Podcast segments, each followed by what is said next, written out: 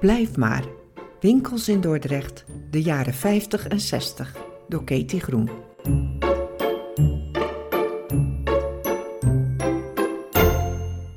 Ik was eerst.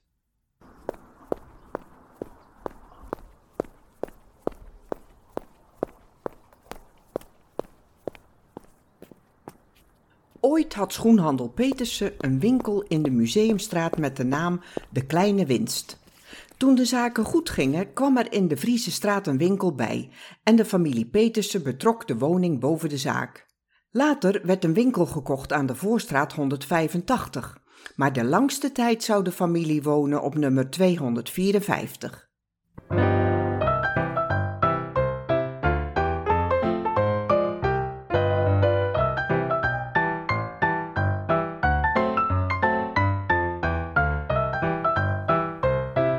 De vader van Henny Petersen kocht de zaak met het woonhuis in 1936, naast het karakteristieke pand van de Rozijnkorf. De schoenwinkel was ook mooi en had fraaie elementen ontworpen door de architect van Walraven. Mijn moeder wilde er haar hele leven blijven wonen, maar uiteindelijk moest ze noodgedwongen op haar negentigste verhuizen, vertelt Henny Petersen.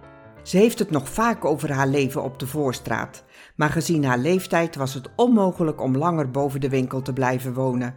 Zelf heb ik het er ook moeilijk mee gehad om het ouderlijk huis leeg te ruimen en dat hoofdstuk te sluiten. De ouders van Henny waren al wat ouder toen Henny werd geboren, als tweede meisje in het gezin. Mijn vader was 60 jaar in de jaren 60. Hij had graag een opvolger gehad, maar ik was veel te jong.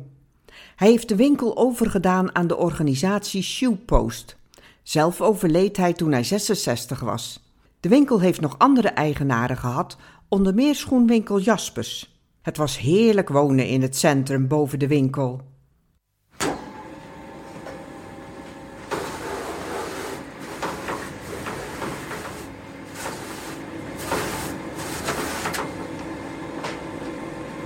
Achter de winkel was de schoenmakerij, het werkdomein van mijn vader, zegt Henny. Ieder hoekje van het huis koester ik in mijn herinnering, van de mooie glas- en loodramen in de winkel tot en met het uitzicht. Dan zagen we de winkelmeisjes van modemagazijn Gerson zonne in de dakgoot. Ook onze winkel had winkelmeisjes. Als het mooi weer was, ging er wel eens een met mij in de kinderwagen naar het park. Nog steeds komen er winkelmeisjes bij mijn moeder op bezoek, die als vanzelfsprekend nu ook een dagje ouder zijn.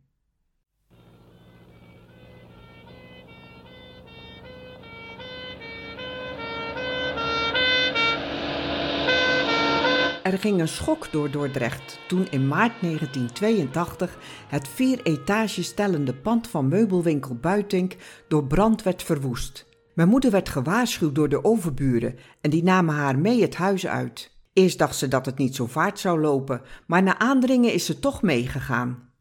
De inferno was compleet, zegt Henny. Het pand van Buitink was aan de achterkant van ons huis en zat min of meer ingebouwd.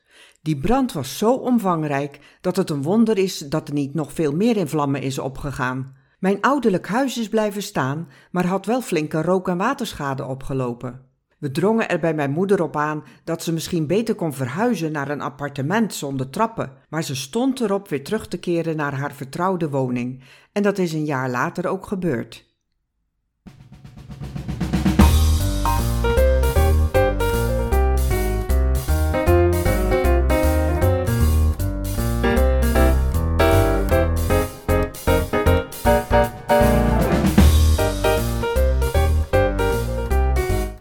In de hoogtijdagen van de jaren 50 en 60 werkte er bij schoenwinkel Petersen op zaterdag wel acht meisjes.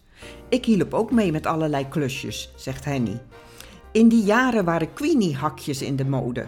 Ontelbare keren ben ik met schoenen van klanten naar achteren gelopen om er van die hakjes onder te zetten. In de winkel was het heel druk, vooral op zaterdag. Dat was de dag dat de heer des huizes meeging en het hele gezin nieuwe schoenen kreeg. 10 tot 15 klanten tegelijkertijd in de zaak was geen uitzondering. Het was zelfs lastig te overzien wie er aan de beurt was, en soms riepen mensen luid in de winkel: Ik was eerst.